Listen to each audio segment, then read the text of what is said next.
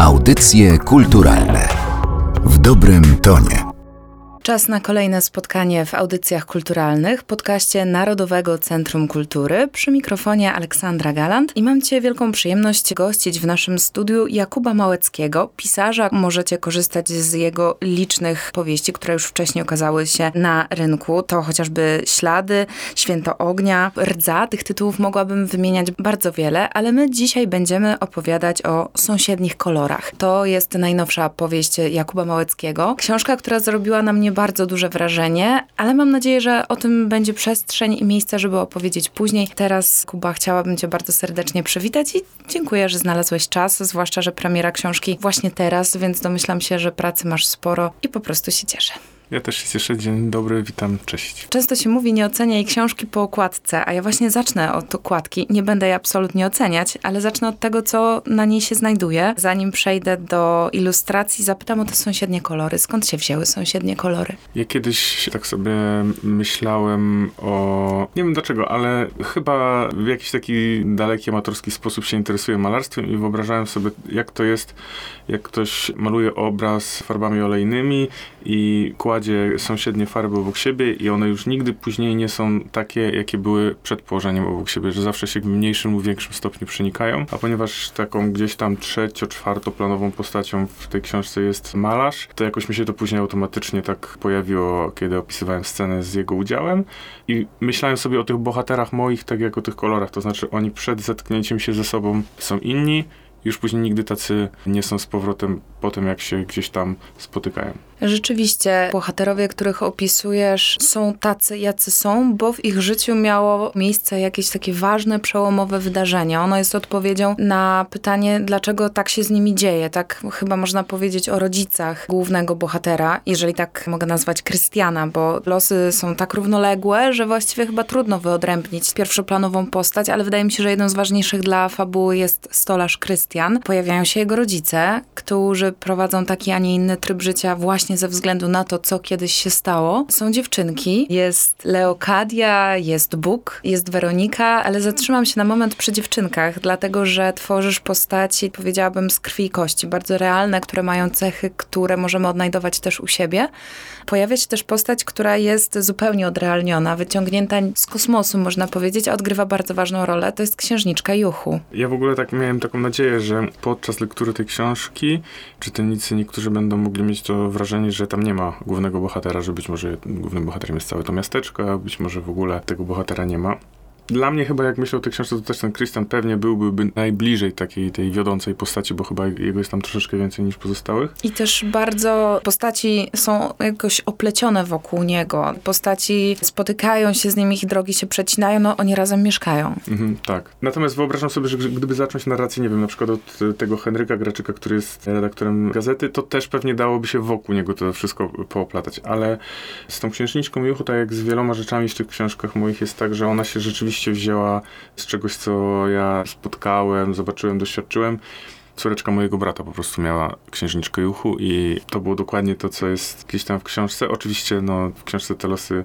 księżniczki Juchu się trochę inaczej toczą, ale ja nawet zapytałem ją o zgodę, mam nagranie jej, jak mi się tam na telefonie nagrywa, że jak możesz wykorzystać księżniczkę Juchu, więc to akurat przyszło mi do głowy po tym, jak słyszałem, jak ta dziewczynka mała się sama do własnej głowy włamuje w ten sposób, że każe rodzicom wieczorami opowiadać o księżniczce Juchu i o tym, co przeżyła bo są rzeczy, które ona przeżyła i ona, miałem wrażenie, że tak sobie próbuje dzięki tym historyjkom o tej księżniczce poukładać sobie w głowie, dlaczego na przykład tak zrobiłam, dlaczego inaczej, co mi się przydarzyło i tak dalej. A przy tym wszystkim ma to jakiś taki uroczy klimat takiego dziecięcego wyobrażenia, wymyślonego przyjaciela, które dzieci często mają, no i takiej pięknej anegdoty ciekawie jest w, w powieściach czasami używać tego baśniowego, magicznego spojrzenia, które towarzyszy dzieciom podczas obserwowania świata. No i tutaj w narracji przynajmniej opisującej te, te dwie siostry mam wrażenie, że tak trochę właśnie jest. Wspomniałeś już, że jednym z bohaterów jest miasteczko. To nie jest miasteczko przypadkowe, bo to jest koło.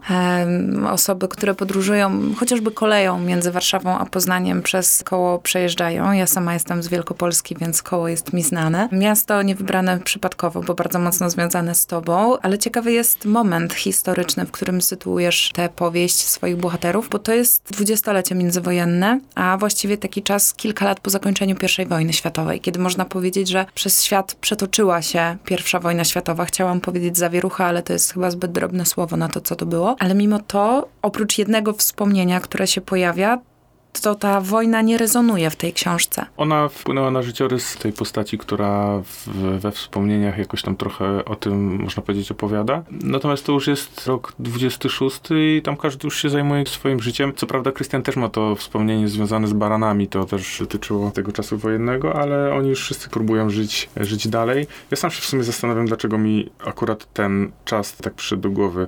Być może to się wiązało z tym, że zacząłem dużo czytać gazet z tamtych lat, takich, które się ukazywały w kole i w, okolicach.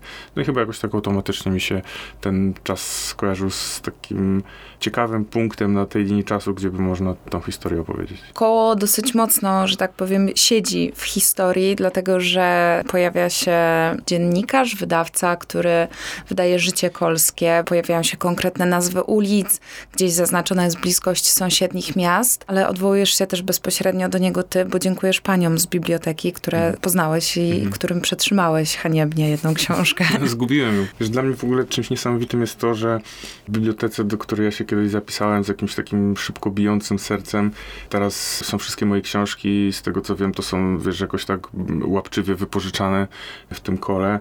Niesamowicie miło mi było po pierwsze jakby no skorzystać z pomocy, bo ogromną ilość tych materiałów dostałem od tych pań, bo one się tam naskanowały bardzo dużo tych, tych wszystkich gazet, a oprócz tego no miło mi było też na końcu książki podziękować im. Z wielką przyjemnością wspominam ten czas, kiedy ja się mogłem zapisać do biblioteki y, w kole jako młody chłopak i gdzieś tam pomiędzy graniem w piłkę, a gdzieś włóczeniem się po jakichś osiedlach i działkach sobie mogłem czasami przyjść do domu i poczytać książkę. Dla mnie było to w ogóle niesamowite. Miałam dosyć dużo spotkań autorskich w różnych miastach, w Polsce, nie tylko w Polsce, ale takimi, które mnie najbardziej stresują, to są spotkania w kole, bo mam takie wrażenie, że dobra, jak pojadę, nie wiem, do Bydgoszczy, czy do Gdańska, czy do Berlina, to jak się wygłupię przed kimś obcym, to w sumie pół biedy, nie? A jak coś tam powiem, nie wiem, niezręcznego, a w tym kole to tam zawsze przychodzą jacyś moi znajomi, No i życie kolskie może opisać. tak, ale jednak to jest z drugiej strony też no, takie niesamowite, że ja tam mogę funkcjonować jako autor książek, które w tej bibliotece są. wrócę do bohaterów, bo właściwie to, co intryguje mnie od początku znajomości z twoją literaturą, to jest ten niezwykły świat przeżyć ludzi, o których opisujesz. To często są ludzie, którzy właśnie są z małego miasteczka, którzy są stolarzami, którzy są e, wiejskimi malarzami, którzy łowią ryby, które później sprzedają na targowisku. Natomiast mam wrażenie, że oni z jakąś szczególną wrażliwością dostrzegają to wszystko, co jest wokół, ale też bardzo mocno odnoszą się i są w kontakcie z tym, co oni wobec tego czują. Ja od pewnej swojej, nie wiem, wrażliwości, od pewnego patrzenia na świat nie potrafię tak zupełnie uciec. I mimo, że opisuję różne postaci, różne historie, to pewnie gdzieś wszystkie one mają jakiś wspólny mianownik i ja myślę, że ja bym na przykład nie potrafił opisać współczesnego dealera narkotykowego, który jest jakiś tam bezwzględny. Myślę, że ja bym go opisał jako taką osobę, która przychodzi do domu i okazuje się, że on zbiera znaczki albo wieczorami jeździ do schroniska i ratuje psy. No nie wiem, jakoś tak automatycznie mnie ciągnie w stronę takich, a nie innych ludzi, automatycznie mnie ciągnie w stronę takich, a nie innych historii i wydaje mi się, że gdybym nawet tak na siłę próbował, wiesz, coś tak zupełnie nie mojego napisać, postawiłbym sobie za- za zadanie napisanie powieści o tym, jak Polacy lecą w kosmos podbijać jakąś planetę. To pewnie w tej powieści skończyłoby się tak, że ja bym opisywał przez większość stron jak dwóch starych facetów, którzy sprzątają na tym statku, nie wiem, siedzą sobie w kuchni czy tam w kantynie i na przykład wspominają swoje dzieciństwo. I jakby zawsze bym pewnie znalazł wytrych, żeby sp- spojrzeć na ten świat ze swojej perspektywy i, i pewnie dlatego ci bohaterowie też tacy, nazwijmy to moi, są.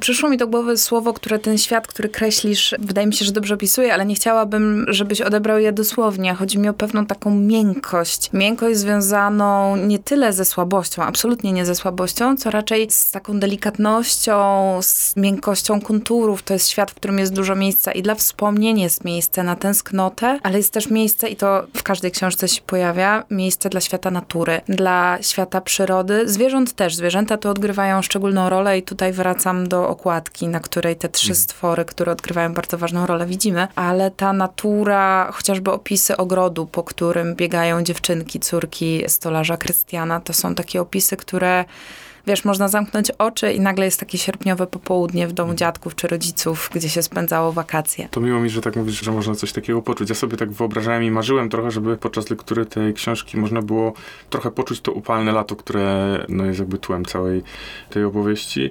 Z tą naturą w tej książce na pewno jest jej najwięcej, ale to być może dlatego, że w moim życiu coraz więcej tej natury jest, to znaczy mam i sporo zwierząt i opiekuję się takim starym sadem, który odziedziczyłem po mojej cioci zajmowanie się drzewami, żywymi stworzeniami jest dla mnie w tym momencie życia ważne. Mam takie jedno marzenie na przyszłość, nie wiem na ile ono się zrealizuje, a na ile nie. Chciałbym się kiedyś zajmować pszczołami. Pewnie dlatego ten Krystian ma takie, a nie inne zajęcie oprócz tego swojego stolarstwa.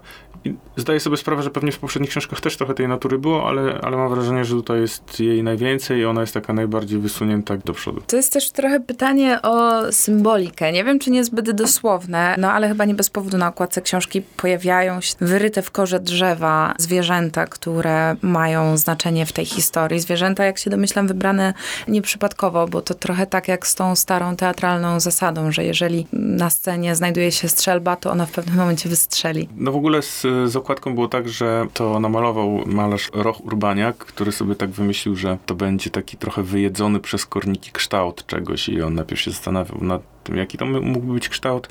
Ja mu wysłałem opis tej książki, co tam w tej książce się dzieje i tak dalej. I on sam jakby tak zadecydował, że takie te motywy wybierze. No mi się to bardzo podoba, bo ona po prostu wizualnie moim zdaniem ładnie wygląda. I zazwyczaj to w przypadku tych moich okładek tak wygląda, że ja sobie jakąś tam wyobrażam i tam im mówię w wydawnictwie, że słuchajcie, a może taka czy taka, a później oni tam siedzą, kminią i grafik ostatecznie przysłał mi coś zupełnie innego, co mi się i tak podoba. Wszyscy wygrani. Tak.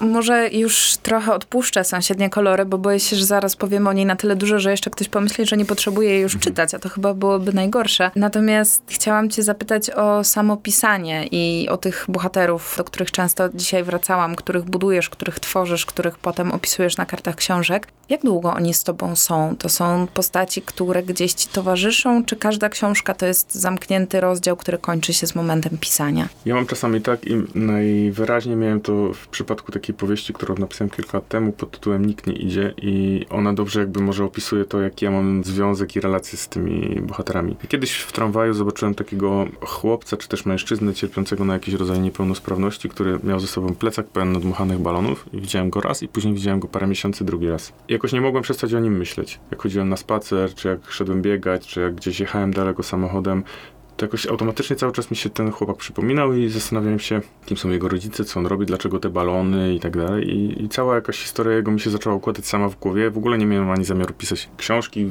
o współczesności, a już o Warszawie to w ogóle. No i tak długo o nim myślałem, że mi się wszystko jakby wokół jego tej postaci zbudowało i miałem całą taką długą, obszerną historię z tym związaną.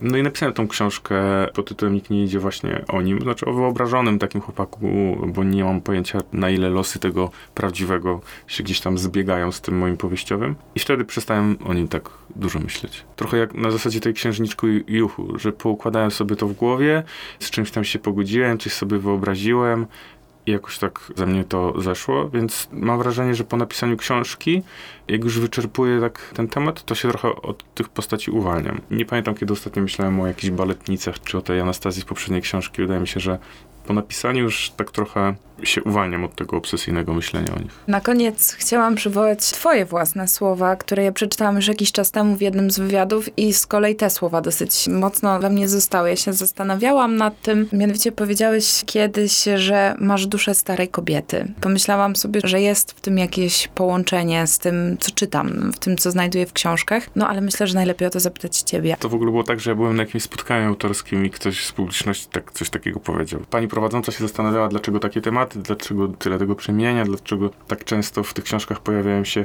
końcówki życiorysów i tego typu historie. No i ktoś tam po prostu z widowni krzyknął, że a, bo pan to masz duszę starej kobiety. No i tak jakoś mi to zostało i w tym wywiadzie to powtórzyłem. Może rzeczywiście coś takiego jest. Ja wiele razy się zastanawiałem nad tym, bo ja mam dwóch braci, którzy są w podobnym wieku do mnie i Oni nigdy nie lubili czytać książek, wręcz się tam szczycili, szczególnie jeden, że on tam przeczytał jedną książkę mm, do pewnego momentu w życiu i tak sobie żartowaliśmy. Ja naprawdę nie wiem, dlaczego ja tak mam. To znaczy, nic w moim życiu, w moich doświadczeniach raczej na to nie wskazywało, żebym ja się ku takim tematom zwracał. Nie byłem wychowywany przez starszą babcię. Miałem więcej mężczyzn niż kobiet w swoim otoczeniu.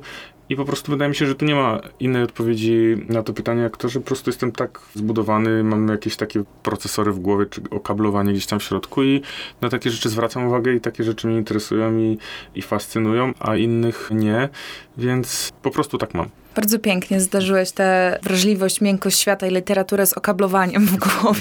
Mhm.